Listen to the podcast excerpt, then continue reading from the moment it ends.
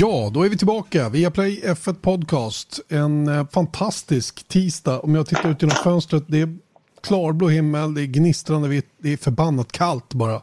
Det är det som är problemet.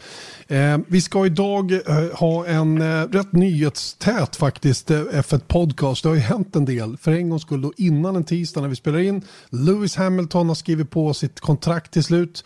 Det ryktas om ett nytt team på väg i Formel 1. Eh, det ska bli omröstning på torsdag angående eventuellt sprintrace eller sprint, några sprintrace under kommande säsong. Och sen har vi en liten, liten koll också på om tv-tittarna sitter kvar vid tvn trots att det har varit corona. Lite grann blir det prat också om de här fyra som har lämnat Formel 1 efter den här säsongen och hur olika deras öden ser ut. Eh, Erik Stenborg? Yes sir, jag är med. Vaken och pigg? Mm, absolut. Frislängstimme igen som du behöver emellanåt. Du har en arbetsam Exakt. dag idag vet jag så att vi ska raska mm. på rätt så bra. Björn Wirdheim, välkommen. Ja, tack så mycket. Vad kul. Hur kallt och skönt är det i England just nu? Ja, det är väldigt kallt här också. Vi har strålande solsken eh, men eh, vi har lite pudersnö som, som ligger. Det har varit kallt här nu den senaste veckan och det ska bli faktiskt ner mot 8 minusgrader har jag läst eh, och det är ju inte så vanligt här. Du har ju fullt av isolering i väggarna där vet jag. Ja, det är ju bara stenväggar vet du, så vi eldar i kaminerna för fullt där. Men, men samhället klappar inte ihop över att det är lite vitt på marken? Ja, det gör det faktiskt. Kommer det mer snö än så här så blir allting stillastående och det, de, de har ju liksom inte så de kan skotta vägarna. Vi var ute på landsbygden så att eh, för jag tror det var för tre år sedan så var vi ju insnöade här i byn faktiskt. Ja, det är inte men, riktigt så. Ja, förlåt. Men, men det är ju eh, ändå ingen som går ut i England, så det är ingen fara. Nej, det gör inte, man märker inte i någon större utsträckning mutationen, den håller sig i schack. Den brittiska mutationen som alla är rädda för när det gäller coronavirus. Jag tycker vi struntar i coronaviruset i dagens podd. Ett tråkigt ämne. Mycket roligare tycker jag att landa direkt i den stora heta potatisen då. Som nämligen är Lewis Hamiltons förlängning av kontraktet med Mercedes, Erik. Eh, till att börja med din reaktion då på hur det nu har kommit ut, det här nya kontraktet. Eller den, ja, att de har kommit överens. Ja, det var väl ingen jätteskräll. Vi har ju vidhållit det i den här eh, sanningspodden att eh, det var 99,9 procent säkert att det skulle bli en förlängning. Däremot så har man ju under hela den här tiden trott att det åtminstone skulle bli två år. Men det är bara ett år. Men det finns förklaringar, åtminstone från eh, Mercedes sida, varför det blev bara det. Vad säger du Björn? Ja, det som förvånar en är ju att det har dragit ut på tiden eh, så himla länge och det har ju varit eh, mycket spekulationer i, i varför eh, det, har, det har dröjt så länge och det är rätt så intressant nu, framförallt här i England. Hamiltons hemland, vad de skriver i, i tidningarna. För det känns som att alla har sin egen vinkel varför det har dragit ut på tiden och, och det, det beror lite på vad det är för någon typ av tidning som, som skriver om det också. Om man läser tabloiderna så, så är det rätt så detaljerat eh, och då handlar, handlar det i, i första hand om att de inte varit överens om eh, ersättningen och sen läser man eh, Autosport och, och The Race och då är det väl lite mer balanserad rapportering. Eh, jag personligen har ju svårt att tro att det här har handlat om pengar egentligen. Eh, den nivån som Hamilton hade redan innan det här kontraktet skrevs är ju tillräckligt hög och, och god för, för Lewis del. För, liksom så. Eh, för hans vidkommande så handlar det om att kanske sätta en prislapp som motsvarar hans marknadsvärde någorlunda. Samtidigt måste man ju vara medveten även från Lewis Hamiltons sida att världen ser ut som den gör och, och det finns inte Eh, ett, en ocean av pengar att ösa ur till en enda person. Och det är väl eh, det som har gjort att jag inte trott att det handlat om pengar utan om andra saker. Vad säger du Erik? Ja, men det som har kommit ut från Toto Wolfs sida är ju det faktum att det finns vissa komplikationer med att skriva ett kontrakt i år.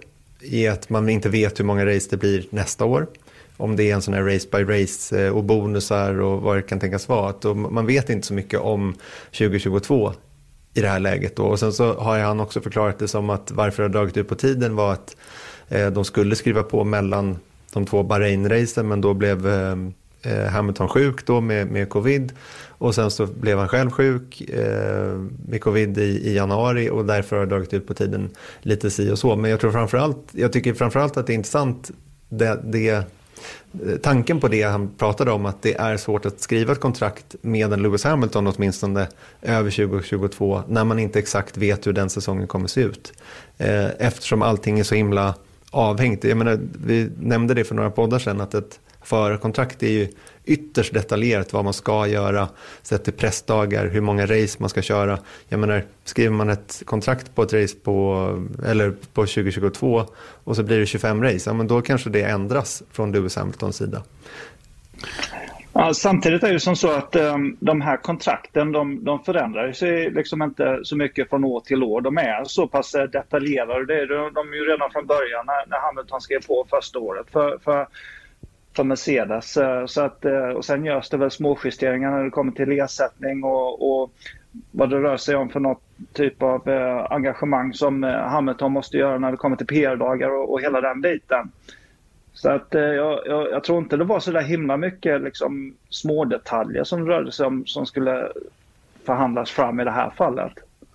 Eh, på något sätt känns det också som att de har gjort en kompromiss nu då. De, de, det drog ut på tiden så mycket med att komma fram till eh, den långsiktiga lösningen att de blir helt enkelt tvungna att avbryta det, lägga det i friläge och sen sätta en interimlösning till stånd där man åtminstone kommer överens för 2021. Så att teamet kan få lugn och ro, jobba med nya bilen, få, dem, få alla de bitarna på plats. Håller ni med om att det är lite så det känns? Eh, Erik, Erik först. Ja, absolut. Jag, jag, tror verkligen att det är en sån där, för att det har ju varit en så här onödigt mycket snack om det, just eftersom det har tagit så lång tid.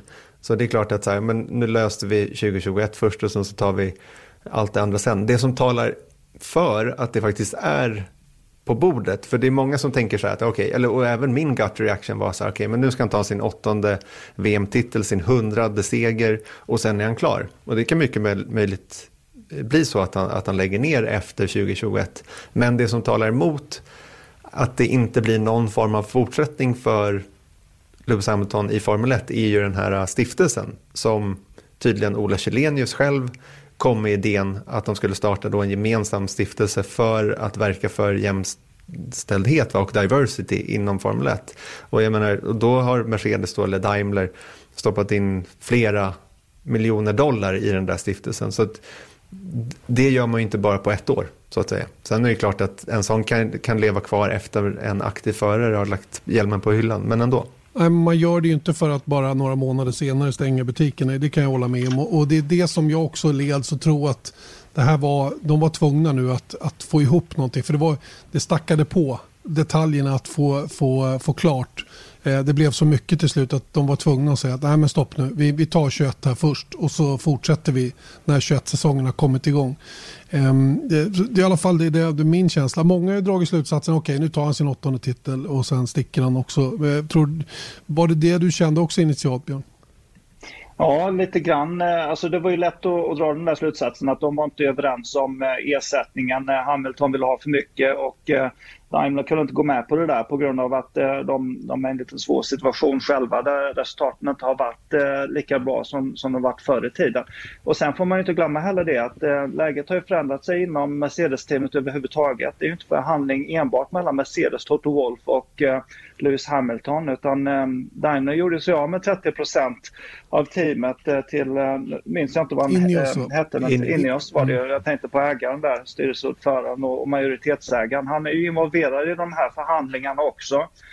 Och då, då som jag sa då är det ju lätt att dra slutsatsen att eh, visst han kanske inte har fått det som han har, har bett om och därav så har han bestämt sig för att bara signa för ett år. För det var ju också som så att eh, Ferrari och Red Bull, är de närmaste alternativen för, för Hamilton, de hade väl mer eller mindre redan säkrat upp sina förare rätt så tidigt. Eh, om man bortser från situationen då med Perez eller, eller Albon.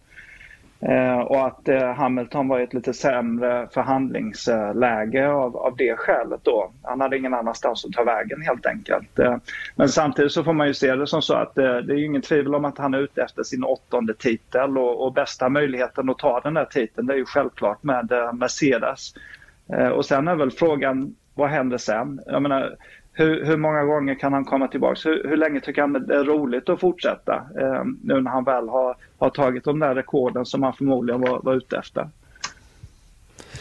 Vad känner ni själva då? För det var varit väldigt stor debatt. Man märker ju på sociala medier inte minst att det finns ändå åsikter om, att det var, om huruvida det var kul eller tråkigt att Hamilton bestämde sig för att fortsätta. För att de som då har suttit och väntat på en fight mellan George Russell och Valtteri Bottas i Mercedes istället. Hur känner ni själva runt det, Björn? Ja, jag tycker att eh, det är ju som så att han börjar bli lite äldre nu men, men Hamilton är ju minst lika bra som han var för tre, fyra år sedan, om inte bättre. Jag skulle vilja säga att han, han bara har blivit bättre för varje år som har gått nu om man ser till de resultaten som han har levererat. Eh, men han är alltså 37 år gammal och det är ju samma ålder som Michael Schumacher var i när han gjorde sin sista säsong för eh, Ferrari och när han var som, som mest eh, framgångsrik. Så att man, man inser ju det att det, det kommer att komma ett, ett skifte så småningom, förmodligen rätt så snart också.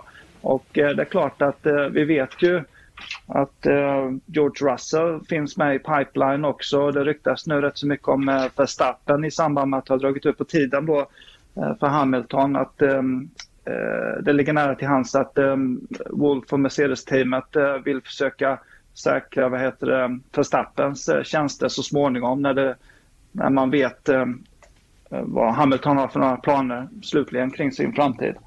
Mm, visst, visst 17 är det så. Det är, men det är ju det här som gör det lite fascinerande spelet just nu. Att det blev som det blev nu då med båda förarna på ettårskontrakt i Mercedes Eh, inför säsongen 2021 och ett, en stor reglementsförändring till 2022. Eh, vad innebär det här för Valtteri Bottas? Vad innebär det för George Russell? Eh, eh, har deras möjligheter ökat eller minskat? Ja, men allt det där kan man ju dividera fram och tillbaka om. Och precis som du sa Björn, Max Verstappen ligger ju som en, som en liten gädda i vassen här och väntar bara. Naturligtvis eh, medveten om att hans tjänster är efterfrågade Eh, väldigt mycket efterfrågade men kanske inte förrän eh, Lewis Hamilton har lämnat skeppet va? och på vilket sätt han nu gör det. Eh, Björn först. Ja visst, visst, visst är det så, men alltså, man, man får ju se det från uh, Toto Wolfs uh, perspektiv. Uh, han har George Russell i, i bakfickan, han har Hamilton då som kommer fortsätta ytterligare en säsong. Hade jag varit Toto Wolf själv då när det kommer till föruppställningen för framtiden så hade jag gärna sett att Hamilton hade fortsatt ytterligare två år. Alltså gjort första säsongen på det nya reglementet 2022 tillsammans med George Russell för att skola in George Russell. Så att George då skulle få en möjlighet att se hur eh, Hamilton arbetar inom eh, teamet och kunna dra lärdom eh, av det där. Det tror jag hade varit bra för framtiden för, för, för Mercedes. Men ni svarar inte på frågan. Vad känner ni själva runt det? Men vad var frågan? Hur känner ni över att Hamilton nu har bestämt sig för att fortsätta? Är det kul eller är det mindre kul? Ja, ett år till får han väl fortsätta. Nej, men det, alltså vi har ingen större, inga större skillnader när det kommer till reglementen och sånt. Så att eh, han kommer ju vara stark även nästa år. Ja, jag, jag tycker det är bra att han fortsätter för att eh, jag, vill se en, jag vill fortfarande se en fight på lika villkor mellan Verstappen och Hamilton. Det finns ju fortfarande möjlighet att vi kan få se det nästa år. Då ska jag försöka svara på frågan då. Jag har lite svårt att, att förstå den här indignationen som jag ser från en del om att Hamilton nu fortsätter. Ja, då är titeln kött klar och hela den där grejen. Va? Istället för att uppskatta en stor idrottsman och hans förmåga och prestationer. Och då börjar ju direkt diskussionen huruvida han hade vunnit i en McLaren eller en Williams eller vad det nu än är. Det är inte det det här handlar om. Det är massor med förare, förmodligen alla 20 som skulle kunna vinna om de körde i en Mercedes enstaka gånger. Eh, och tar vi ner det till vilka som skulle kunna klara att vinna VM-titlar så är de några färre ändå. Eh, att vinna sju titlar med Mercedes, eller sex som det har hittills blivit, egentligen sju då, eftersom den hette McLaren Mercedes också när han vann den första, så är de ytterst få, extremt få om någon, som klarar av det här. Och, och i, för mig är det en ynnest att han fortsätter att köra. Han, han, vi, han, han kommer ju att skapa Formel 1-historia. Eh, har stora möjligheter till det i alla fall. Och det vill jag vara med om. Jag tycker det är fränt. Jag har, inga, jag har inga preferenser i övrigt så att säga. Och jag tycker inte att det är tråkigt att han vinner så, så länge han gör det på, på ett sätt som, som är oerhört skickligt och, och framgångsrikt som han gör. Så att, eh, nej, nej, jag, jag tycker inte att det är tråkigt på något sätt att han fortsätter. Mm. Bra, då är vi klara med Hamilton tycker jag. Nu vill jag, nu vill jag höra om, eh, om eh, Monaco Increase Management och Campos Racing, vad de håller på med. Just det. Ja, jag, jag har forskat lite och eh, min uppfattning är att det här är fortfarande inte 100% seriöst. Jag tror inte att det här är ett seriöst förslag att ta sig in i Formel 1. Och det, det, det här förslaget bygger på det är ju att Formel 1 tar bort den här, det här kravet på 200 miljoner eh, Eh, vad det nu är som de ska då dela lika på, på teamen eh, för att få komma in då en slags eh, trovärdighetsbetalning. Att deras satsning är på riktigt. Jag, jag de här gångerna som det dyker, ploppar upp sådana här som verkligen vill ta sig in i Formel 1, eh, de, de är ytterst få och, och, många gånger är de inte speciellt seriösa. Och jag tror faktiskt inte de är det den här gången heller. Men bakgrunden här är ju att det är ett, eh, ett investmentbolag helt enkelt tillsammans med Campos Racing som är ett gammalt sån här halvklassiskt eh, team i, i lägre kategorier som har sedan 2019 då eh, fiskat och forskat i att göra eh, ta klivet upp i Formel 1 helt enkelt som ett helt nytt team. Eller hur? Visst är det så.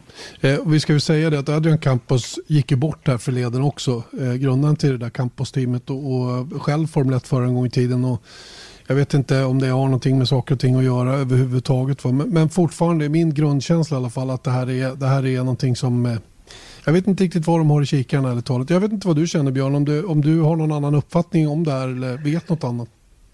Nej, jag får nog hålla med dig eh, Janne. Jag, jag känner inte till så mycket om, om de här människorna i bakgrunden bortsett från eh, Adrian Campos och, och, hans team naturligtvis. Men eh, vad jag förstått det som så är det i första hand ett, också ett management. Eh, för jag vet att de har hand om både Pascal Wehrlein och eh, eh det var ytterligare någon förare som är rätt så välkänd. Alex Palou va? Palou, ja, just det, Alex, Palou, ja, som mm. är, som är Indycar-förare nu för tiden. för Ganassi Racing i år. Eh, så att ehm, det enda som jag går på det är väl det att ehm, det andra försöket, om jag andra året, eh, som du sa Erik, så, så har de undersökt det här sedan 2019 och faktum är det att eh, Sean Todd eh, bland annat har kommenterat det här och, och faktiskt avfärdat dem som inte tillräckligt seriösa för, för ett år sedan ungefär. Jag tror att det är svårt liksom för om, oavsett om det är investmentbolag eller någonting. Hade det varit en fabrikant så hade man kunnat ta det lite mer eh, seriöst. Men, men när det rör sig om ja, mer eller mindre privata bolag så, så är det rätt så tufft.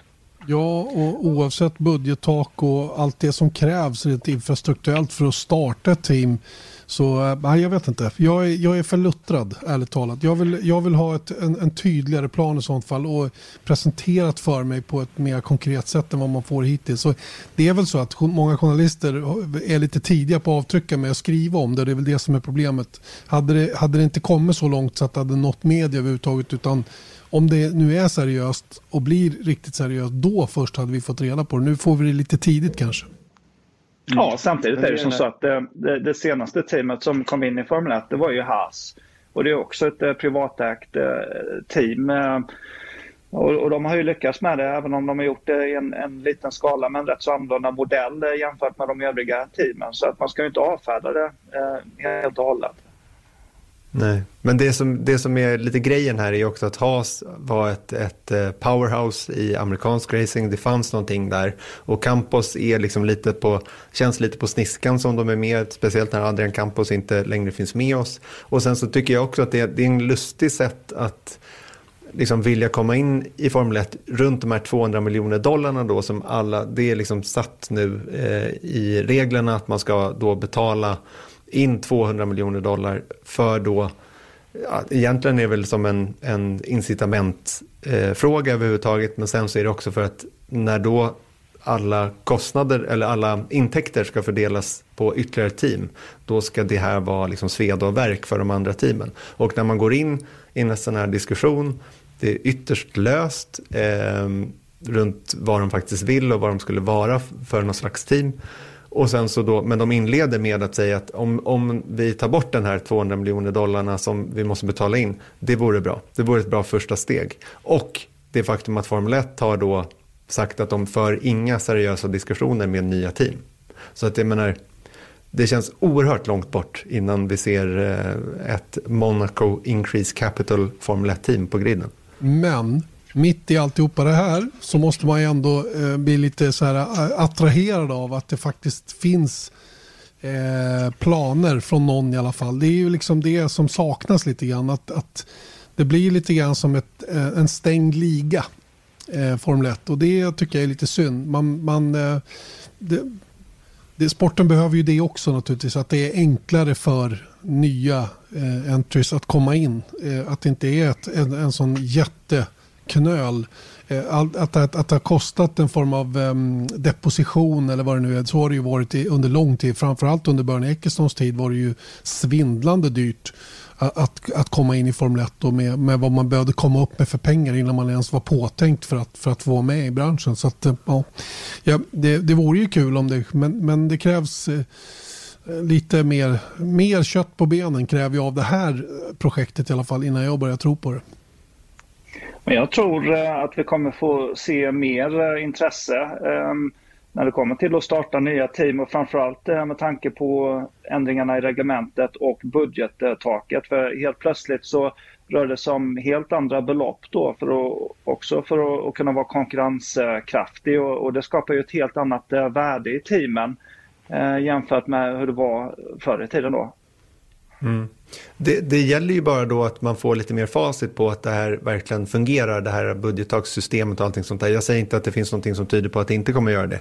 Men jag, jag tänker då på, återigen på 2010 när liksom Lotus skulle komma in och, och, och Virgin och Hispania. Det blev ju eh, bara eh, katastrof av hela grejen. Då alla team var ju borta på tre, fyra år. Och det tror jag var en så här riktigt eh, smolk i bägaren för Formel 1 som organisation. För att visa att okay, här kommer tre nya team in, kolla vilken tillväxt vi har. De hängde aldrig med överhuvudtaget och sen försvann de ett efter ett. Och det är inget bra. Nej, de blev ju också inlurade i att det skulle vara förutsättningar som skulle vara gynnsamma för dem som aldrig sen blev av. Idag är de mer verklighet då med det nya budgettaket som finns. Och eh, för, för, för det de puttade in för att vara med den gången kan man ju faktiskt vara med och köra i Formel 1 idag. Dessutom finns ju faktiskt möjligheten att köpa stora delar av det man behöver för att sätta ihop en hyfsat konkurrenskraftig bil Eh, på hyllan hos vem det nu än är som säljer de här grejerna. Så att idag, och alla has då, deras sätt att, att ha sin operation igång. Så att idag är ju förutsättningarna lite annorlunda mot vad det var den gången 2010. Men jag tror att det blev, precis som Erik säger, en, en väldig näsbränna den gången för Formel 1. Och det där måste man vara noggrannare med när man släpper in nya, nya eventuellt nya team i, i sporten. Så det är en knepig situation är det ju såklart. Va? Samtidigt som vi är många som skulle se att griden blev lite större. Några, några team till, två team till skulle jag tycka pigga upp. Om de lyckades bli någorlunda konkurrenskraftiga och inte som HRT eller Hispania var då som, som de, de körde sina första varv på andra träningen tror jag i Bahrain det året när de, när de kom in. Så att, eh, ja, det, det, är, det är svårt läge. Mycket svårt läge. Ni lyssnar på Viaplay F1 Podcast i vilket fall som helst. Erik Stenborg, dagens gästtyckare. Björn Wirdheim finns med oss också. Då. Vi har pratat Hamiltons nya kontrakt givetvis. Vi pratade också om eh, det här Monaco F1 då, alltså eventuellt på vägen i Formel 1. Inget som vi riktigt tror på sådär va. Vad tror vi då om nästa ämne i veckans avsnitt? Nämligen det faktum att man inte riktigt från Formel 1 sida gett upp tanken kring eh, någon form av eh, eh omskakning när det gäller formatet under en helg. Och, och det pratades ju om en startordning till ett så kallat sprintrace för att bestämma ordningen till huvudracet. Eh, det blev ju ganska kraftigt kritiserat. Det som man nu hänger kvar vid fortfarande det är ju sprintrace. Att man vill ha någon form av sprintrace på lördagen istället för ett, ett traditionellt kval. Eh, och det ska röstas om det här på torsdag och det är vad jag förstår vid tre tillfällen under året som man tänker sig att testa det här då. I Kanada, på Monza, Italien och på Interlagos i Brasilien. Eh, först Björn, vad, vad, vad, säger du om det här? Att eh, kanske via mästerskapsordningen då ha en startgrid i ett sprintrace som sen avgör ordningen i ett huvudrace. Skulle det attrahera din, ditt Formel 1-hjärta?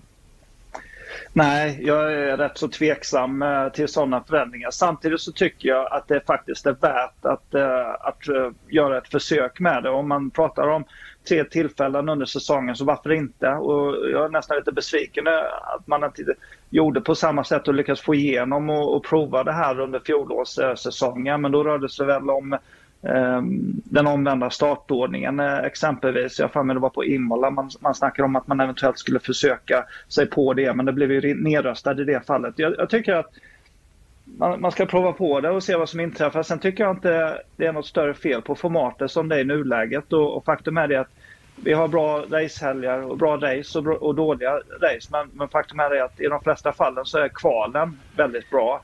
Eh, och jag skulle inte vilja gå miste om eh, kvalen på, på lördagarna i det formatet som de, de är i nu. För jag tycker att de tillför rätt så mycket till eh, helgen överhuvudtaget. Säger du Erik? Nej, men jag är lite inne på samma, samma grej. Att det, det, det är inte samma sak som vi ändrade ju kvalformatet när det nu var för fyra år sedan kanske det var. När man skulle göra det som en så här utslagskval istället att varje minut så försvann en bil. Och det testades en gång i Australien och det blev inget bra. Ja. Det var, bara, det var svårt att förstå och det var liksom ingen logik i det. För det var någonting så här, if it's not broken don't fix it, kan man ju eh, konstatera i det fallet. Sen så kan jag, är jag mer attraherad av ett, av ett sprintrace. Jag menar, racing är, är kul, men däremot så undrar jag så här, jag är försiktigt skeptisk till vad ett Formel 1 sprintrace kan tänkas bli. För det är det där svårt att, att köra om och jag tänker liksom jag tror att det är större chans att man får liksom upsets i ett traditionellt kval än att Hamilton som leder VM, eh, eh, Bottas som ligger tvåa, de tar sina starter och sen så ligger de där och så har de svårt att komma om för beroende på bana då. Eh, och, och, sen så går de, går de med mål så, som det är i mästerskapsställningen istället. Och då blir ju liksom, då har vi redan sett facit på, på lördagen på det som komma skall på söndagen. Däremot så här, skulle man kunna lägga in någonting i form av poäng eller något annat incitament som gör att det är ännu viktigare att försöka ta sig förbi. För att jag tror att nu, bara ett, ett sprintrace med mästerskapsordning tror jag inte kommer ge jättemycket. Eh, speciellt om det handlar om så här, men ska jag starta ett eller tvåa? Ja, jag startar tvåa då, för att det, jag vill inte krascha och få starta sist. Jag menar, det, risken är ju enormt hög om man inte ger någon form av incitament sett till poäng till exempel. Nej, det där är intressant hur de ska, hur de ska tackla det där och, och hur äh, framförallt hur teamen ska, skulle tackla en situation där man var tvungen att köra sprintrace rent eh, riskmässigt. Risk versus reward. Vad, hur, vilk, jag menar, eh, kör man i mittfältet där och ligger sju eller åtta då kanske man backar tillbaka och nöjer sig med åttonde plats istället för att jaga, ta jättestora risker för att bli sjua. Jag vet inte heller vad, vad vinsten skulle vara mer än att vi fick ett race till att kolla på då. Och det kan ju vara gott nog i och för sig. Mm. Om man tycker kvalet är tråkigt. Va, vad sa du Erik? Ja, alltså... Om man tycker kvalet är tråkigt så är det väl kul att kolla på ett race då. Men jag tycker kvalet är rätt kul. Det hade varit mer intressant att, att se omvänd startordning eh, i det fallet än ett sprintrace. För jag menar, Formel 1 idag det är väl mer eller mindre sprintrace eh, som det är för närvarande i vilket fall som helst. Så jag är nog inne på din linje där Erik, att det, det blir för likt vad vi kommer få se på söndagen i vilket fall som helst. Men det där med omvänd startordning, alltså det var ju någonting som sköts ner av både teamen och föraren också. För det är kanske någonting som eventuellt skulle kunna fungera 2022 då om eh, det nya reglementet tillåter omkörningar i den utsträckningen som man hoppas på. Eh, men det skulle ju inte fungera. Say hello to a new era of mental health care. Cerebral is here to help you achieve your mental wellness goals with professional therapy and medication management support. 100% online. You'll experience the all new Cerebral Way, an innovative approach to mental wellness designed around you. You'll get a personalized treatment plan from a therapist, prescriber, or both in a safe and judgment free space. Your cerebral therapist or prescriber will outline a customized plan with clear milestones along the way so you can get to feeling your best. With Cerebral, you're not alone in your mental health journey. We're here to empower you to live a fulfilling life.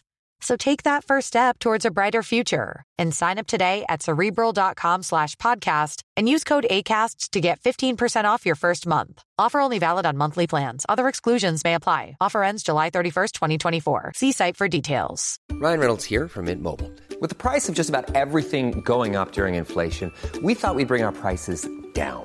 So to help us, we brought in a reverse auctioneer, which is apparently a thing. Mint Mobile unlimited premium wireless. Ready to get 30, 30, bit to get 30, bit to get 20, 20, 20, bit to get 20, 20, bit to get 15, 15, 15, 15 just 15 bucks a month. So, Give it a try at mintmobile.com/switch. slash $45 up front for 3 months plus taxes and fees. Promo rate for new customers for limited time. Unlimited more than 40 gigabytes per month slows. Full terms at mintmobile.com.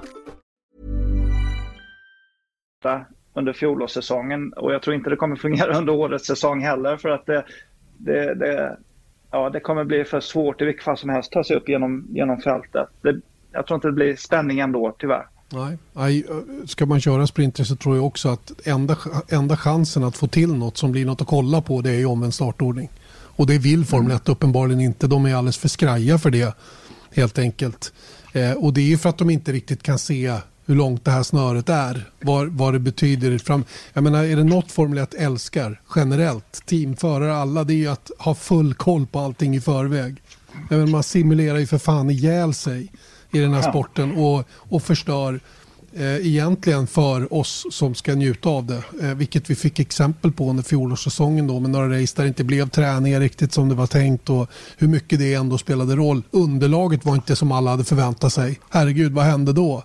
Så, så, det där med att planera, planera och förbereda det, det är någonting man har en väldig fäbless för just Formel 1. Och det är det momentet man behöver ta bort tror jag snarare än att hålla på och krångla med, med format i största allmänhet. Men med det sagt så jag, skulle jag gärna testa. Jag, menar, jag tycker återigen att det är lite som Björn var inne på där att, att eh, prova en gång då. Och sen får vi se, eh, då släpper vi det för framtiden. Det, det, det vi sitter och håller på med nu är ändå hypoteser. Och då, jag menar, de ser ju samma eh, problem som, som vi gör också. Men om de kan liksom testa det och bygga in det och sen så se om det, om det blir någonting av det, ja men fine. Ja, alltså som du sa Erik, alltså, det är ju omkörningar och, och bra racing man vill se. Och, och, visst, man skulle kunna fundera på att införa något eh, poängsystem som innebär att man får ytterligare poäng baserat på hur många omkörningar. Men jag tror att det blir för abstrakt om den, för tittaren på tv eller eh, som sitter i publiken på banan. Man måste hela tiden kunna se. Det får liksom inte bli någon uträkning i efterhand. Eh, på samma sätt som eventuellt eh, som emellanåt eh, domslut eh, som dröjer några timmar efter målgång då liksom. Det, det kan inte bli på det sättet heller. Alright, så vad blir, eh, vad blir, hur går omröstningen på torsdag Erik? Du först. De kommer att prova det i Kanada och sen så uh, kommer det inte bli något mer efter det. Och, och Björn, vad är din dom? Ja, om, om, det kan nog bli av vid något tillfälle men jag, jag, jag tror nog mer på att det inte kommer bli någonting överhuvudtaget ändå. Att man håller fast vid det nuvarande formatet. Vad ska jag tro då? Uh, men jag tror att det blir av. Jag tror att det blir tre race och jag tror att ett av dem kommer att bli succé och kommer att skapa väldigt huvudbry för hur man ska göra framöver. är det en bra, eh, en bra kompromiss mitt i alltihopa? All right, då är vi klara med sprintrace-tugget också då och uh, då vet ni ungefär hur vi ser på det i vilket fall som helst. Eh, nästa punkt då eh, i, eh, i veckans podd kommer att handla om det här med Formel 1-intresset som av allt att döma fortsätter att vara starkt. Det kom ett pressmeddelande från Formel 1 i veckan här om, om tittarsiffrorna under den här lite speciella coronasäsongen. Då. De var ju inte avskräckande på något sätt. Vad som imponerade väldigt mycket var ju hur mycket man har stigit på de sociala medieplattformarna. Då. Nu ska det sägas att det är i relation till vad man hade innan. Då. Formel 1 startade sent och har en större förbättringspotential än till exempel LFL eller Premier League eller någonting annat då där de ligger ungefär lika, kanske lite minus på ena eller plus på den ena. Men Formel 1 har 93 procent ökning vill jag minnas att det var eh, just över de sociala medieplattformarna och en väldigt rejäl ökning. Då. Men när det gäller tittarsiffrorna då på tv, traditionell tv, så ser det väl ut att ligga ganska stabilt. Formel 1 lyckas hålla folk kvar vid, vid skärmen, Erik. Mm det kan man väl konstatera. Sen så vill jag bara kommentera det där du sa om, om, eh, om att man började på låg nivå. Nu är det ändå inte gammalt, alltså jag minns liksom när de började, när Liberty kom in och de började liksom göra saker på YouTube och sociala medier, då var de ju från absolut noll och ingenting. Och då presenterade de att vi har gått upp 300 procent eller vad det nu kan tänkas vara. Nu är det ändå några eh, år in i det där. Så att jag tycker fort, fortsatt att, de är, eh, att det är en imponerande ökning och dessutom så tycker jag faktiskt att de är väldigt, väldigt bra på det. Jag menar det där sociala medieteamet är ju enormt och eh, jag tycker att de levererar väldigt bra content. Ofta. Håller med. Vad säger du Björn? Ja, alltså det, det som var intressant var ju eh, vad, vad siffrorna ökar, i vilka länder de ökar som mest då. Kina och eh, Ryssland och, och, Kina är ju en enormt stor marknad som är extremt viktig självklart för, för Formel 1 att bryta sig in på.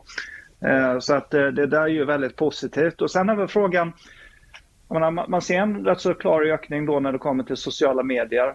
Men eh, tv-tittarna var väl eh, kvar på ungefär liknande siffror som man sett eh, tidigare. Men å andra sidan så hade vi haft en, en väldigt annorlunda säsong eh, dessutom med eh, mestadels race eh, i Europa och eh, det är klart att det har kanske inte stämt in med eh, tv-tider och, och tidszoner och så vidare i resten av, av världen. Så av det skälet så, så tror jag det är väldigt positivt att, eh, att siffrorna faktiskt var likvärdiga med, med vad det har varit tidigare.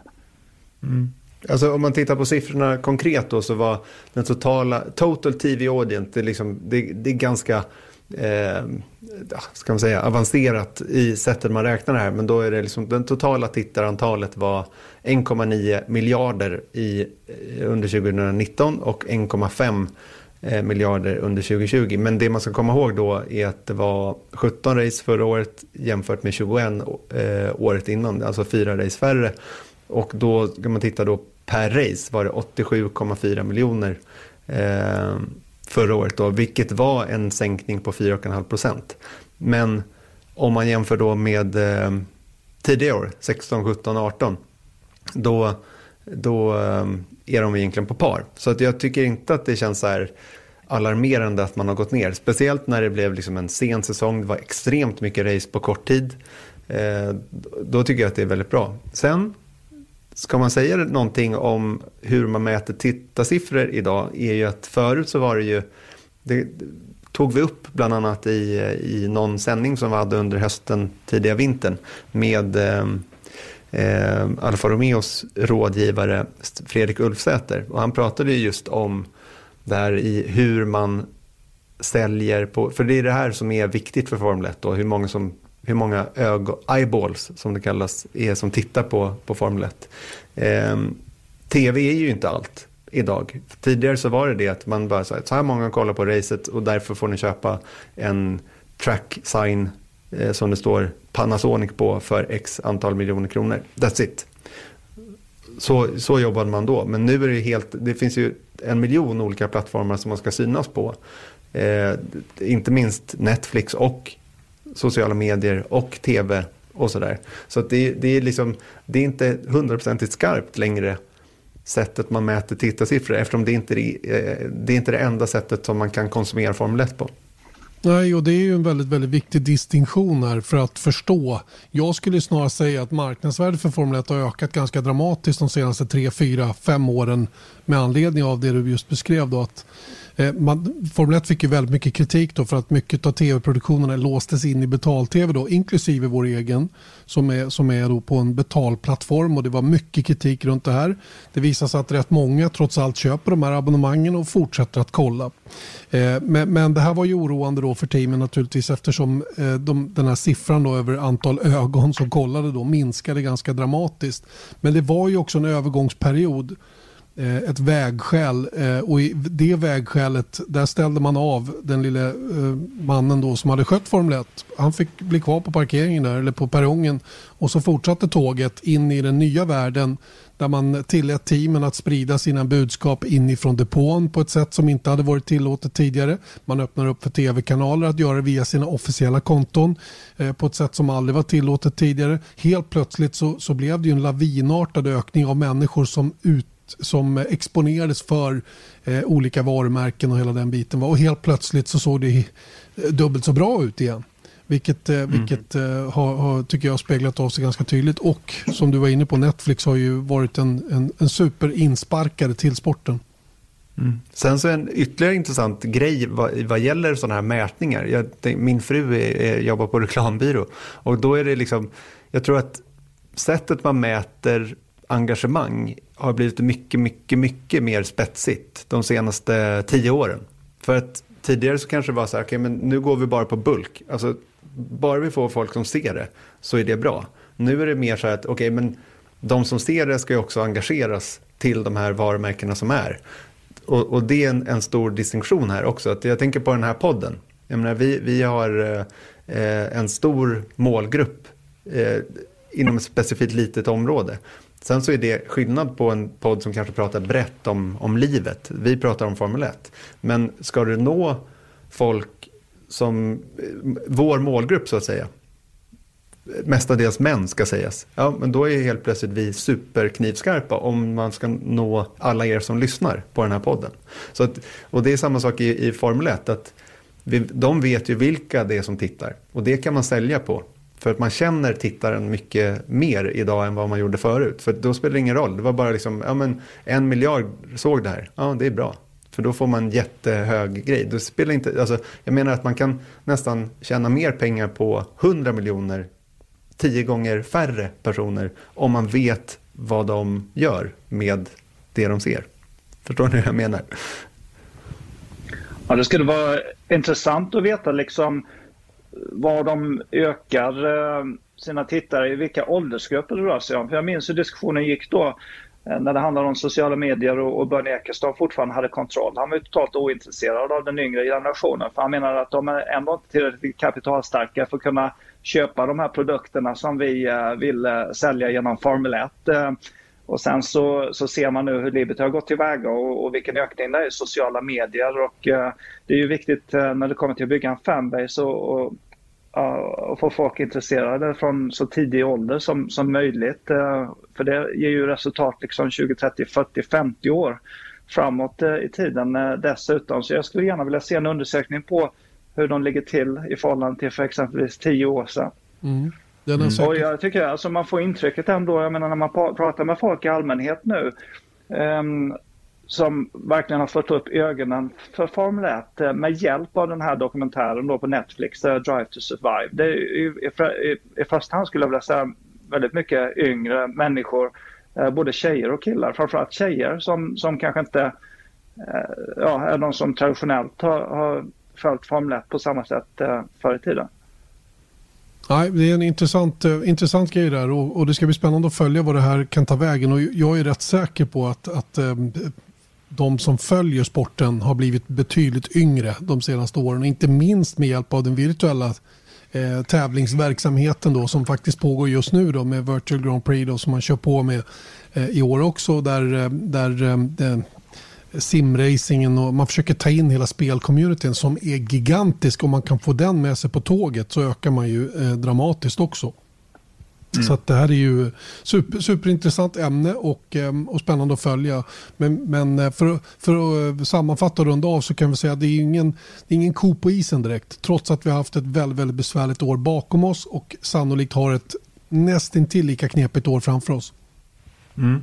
Vi kan komma in på det, för det, vi har bör, eller jag har börjat få väldigt mycket papper och nu är den här pappersexercismånaden som, eh, som eh, allting ska förberedas då, man ska vara på plats, hej och och sånt där. Och det man kan konstatera från det är ju att 2021-säsongen, när man liksom kanske runt i somras satt med låga, låg eh, smittantal i Sverige och eh, stora delar av av världen som såg ganska bra ut så kanske man hade förhoppningar om eh, Formel 1 utan munskydd med lite publik på läktarna och så vidare.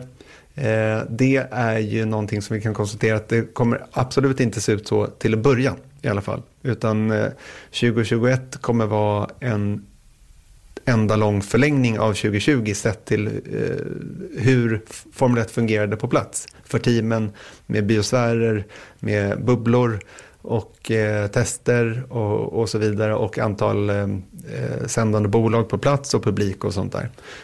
Sen så är ju det återigen ett rörligt mål så att jag hoppas fortfarande på att det kommer se annorlunda ut till hösten. Eh, men eh, eh Formel 1 2021 är som 2020, 2020 helt enkelt hittills. Vi bara krokar på vagnen på loket som gick under förra året och fortsätta på samma inslagna väg. Vilket förmodligen är ett väldigt klokt beslut och det är ingenting som Formel 1 styr över utan det är ju hur världssituationen ser ut och den är ju långt ifrån gynnsam än så länge och även om vaccinationer och grejer pågår för fullt. Men vi ska inte prata corona så det ska vi inte göra nu heller. Eh, vi ska runda av det här tycker jag med eh, ytterligare ett ämne som är lite intressant. Eh, igår, eh, idag är det tisdag när vi spelar in och när vi släpper den här podden, igår måndag nåddes vi av beskedet att Kevin Magnussen eh, har eh, fått annat att göra igen kan man väl säga då. Han har ju väldigt, varit väldigt i farten sen han fick, blev eh, bortknuffad ifrån platsen i Haas i Formel 1.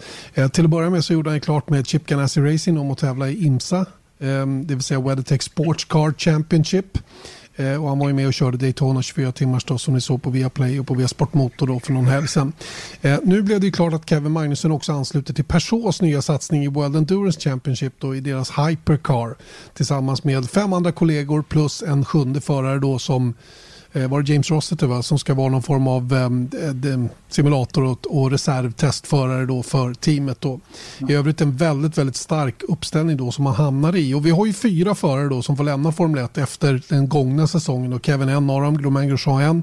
Sen är det då de två Red Bull-knutna då, Daniel Kviat och Alexander Albon. Och man kan konstatera snabbt att det är olika öden man drabbas av och eh, de som är märkesbundna där har ju kanske inte samma frihet då som en sån som Kevin Magnusson och Romain Grosjean har då som, som kunde lite göra, de kunde sondera terrängen då med hjälp av ett starkt management hitta bra saker att göra även framöver. Vad, vad säger du Björn om, om det, den utveckling du har sett?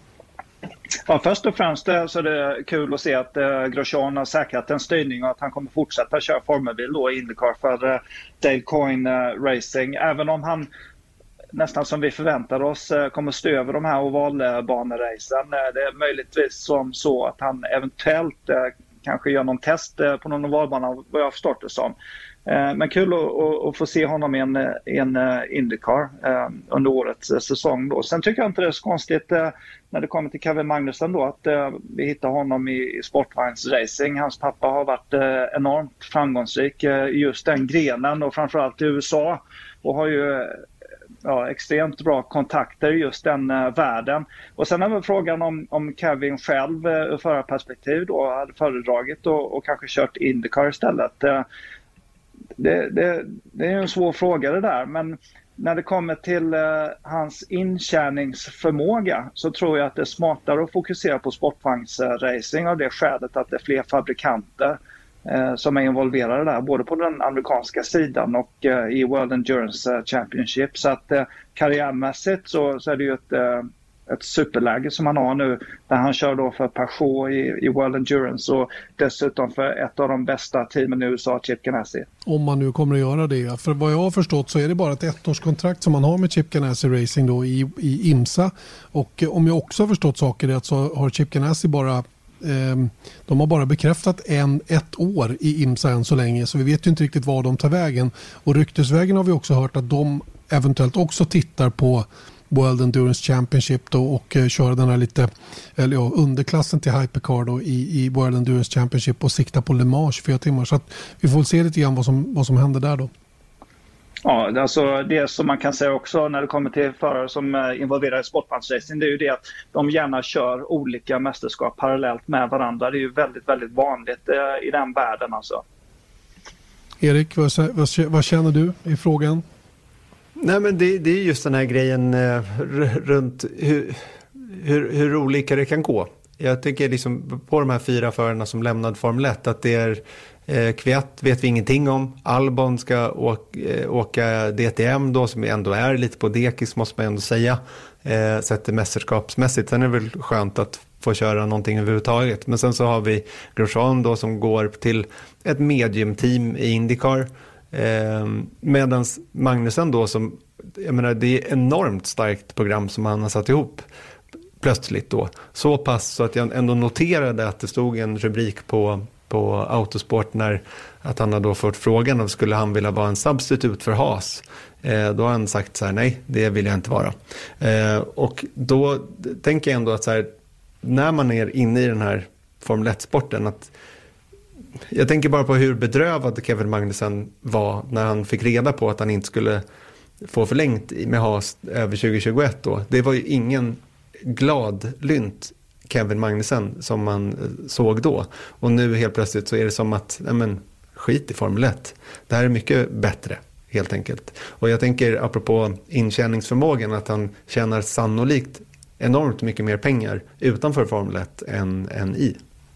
Kanske. Ja, det roliga är att det verkar lite som, eh, om man har lyssnat runt lite grann, som att han eh, han skrev ju på för Chip Ganassi, eh, gjorde klart den dealen, kört i USA. Jag tror han uppskattar racingen i USA väldigt stort. Jag tror att han var bra sugen som Björn sa på att fortsätta och hade väl option på en, på en Indycar-styrning då för 2022. Eh, kanske med Chip Ganassi Racing också. Eh, men men eh, då kom den här andra dealen med Peugeot inramlandes också då i slutet på året. Eh, och han var tvungen, eller ja, via sitt management då, tvungen att ta ställning till hur han skulle göra. Eh, och det är klart, när, när Peugeot kommer med en hypercar-satsning på den absolut högsta nivån i, i, i sportvagn, då, då, är ju, då är man ju korkad om man inte skriver på. Är, man blir fabriksförare och, och, precis som du säger då, väldigt bra möjligheter att, att liksom få en hygglig lön och tävla på hög nivå, kliva upp högst upp på pallen på Le Mans, kanske vinna hela det världsmästerskapet som World Endurance Championship är. Men, men det ställs ju då mot att tävla lite mer i det mera hardcore, eller vad ska jag kalla det då, i Indycar och kanske även då kombinera det med inhopp i IMSA och så vidare. Så att, ja, han, han har ju verkligen hittat, eh, eller han vad ska jag säga, han, han, han fick verkligen två, eh, två godisskålar att välja från med två favoriter och det var svårt att kombinera det där på något sätt jämfört med de andra tre då. Och jag kan ju tycka det är konstigt att en sån som Romain Grosjean aldrig var aktuell för person om han nu inte var det. Jag vet inte men troligen inte.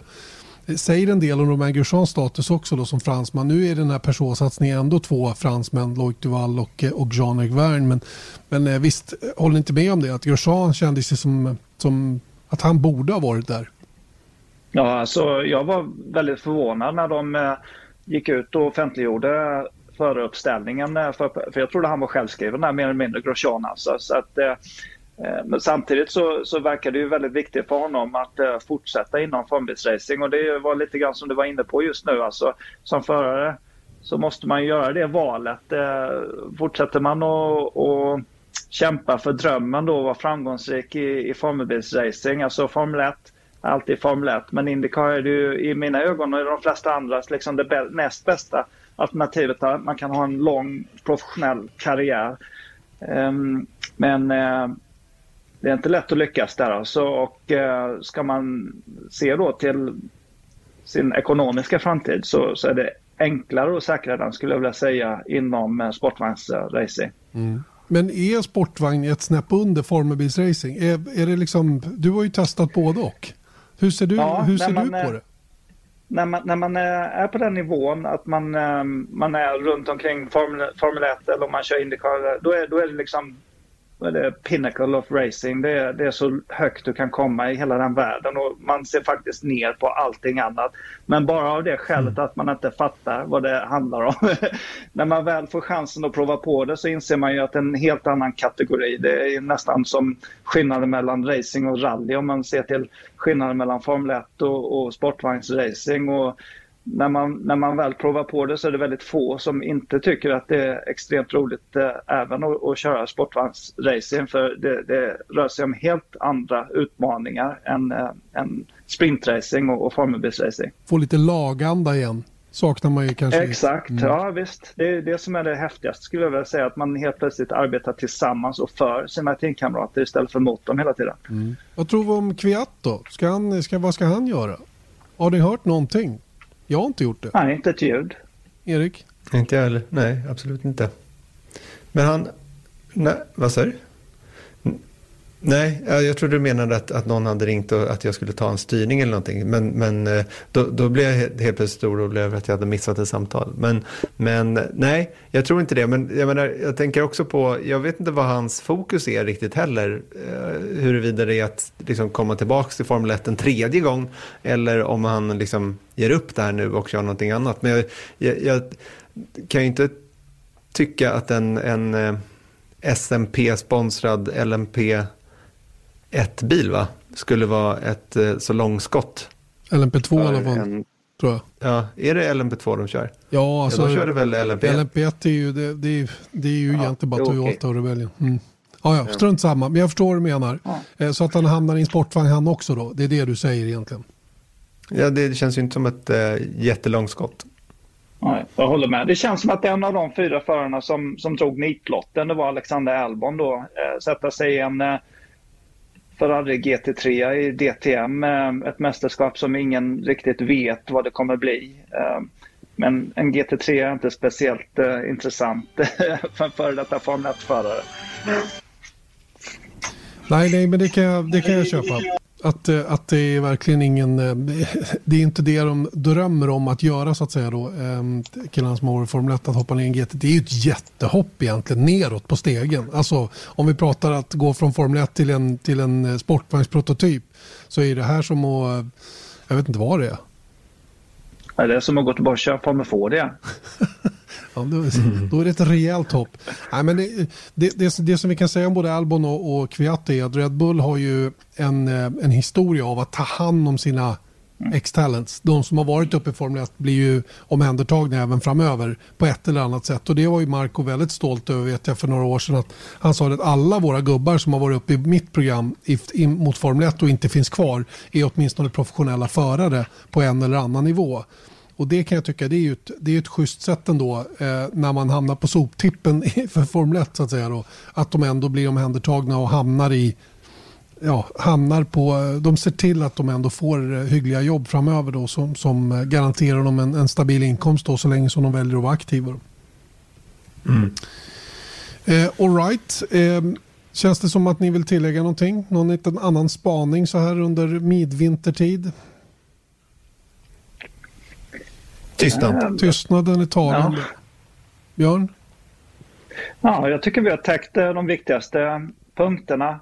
Jag är lite nyfiken nu på vad som händer med, med schemat eh, inför starten på säsongen. Det är lite diskussioner om eh, man eventuellt ska köra två race, två helger i följd i Bahrain och skjuta upp det andra racet som är planerat för närvarande till, till Imola. Och eh, där tror jag vi kommer att se en del förändringar inom de närmaste månaderna förmodligen.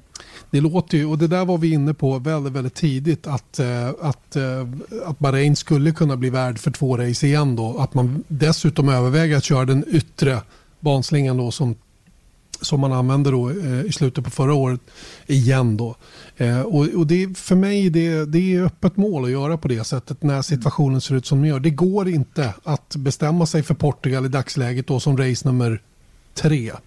Eftersom eh, situationen där rent coronamässigt inte är bra eh, på något sätt. Och det är ju därför det fortfarande är hål där och inte bekräftat. Jag, om jag får gissa så tror jag på två Bahrain-race och sen Imola som race nummer tre. Och sen får vi se vart vi tar vägen. Det är inte heller givet att allt det som kommer där direkt efter kommer att kunna gå att genomföra på det sättet som det är planerat. Det är ju tre more stadsrace efter varandra där efter, efter Barcelona. Barcelona går nog att köra utan publik och sådana grejer. Eh, men, men, men, sen vet du med Monaco, eh, Baku och Kanada. Stora frågetecken fortfarande. Mm. Ja visst är det så. Eh, och jag håller med dig. Alltså, det är den där osäkerhetsfaktorn eh, som, eh, som borde göra att man tar det säkra för det osäkra och genomför två racehelger som man vet man, vet man, man, man kan göra på ett bra sätt eh, utan att för mycket risk helt enkelt. Erik, slutord? Eh, jag vill passa på och eh, tacka för denna vecka och det är så himla kul att eh, det är så många som lyssnar på oss varje vecka och det är jag bara helt enkelt väldigt glad för. Mm, jag också, väldigt roligt. Och extra roligt att vi fick ha med Björn Wirdheim den här gången. Det var skitkul att du hade tid och lust. Jag antar att du är lite sugen att börja jobba snart. Ja, det är jag. Gärna. då ska, då ja, är det var jätteroligt att få vara med. Då är det helt lugnt om jag ringer någon mer gång och försöker få med dig. Ja, ja. Alltså. Toppen. Hörni, vi hörs om en vecka. Ha det bra. Hej! Ja. Hej.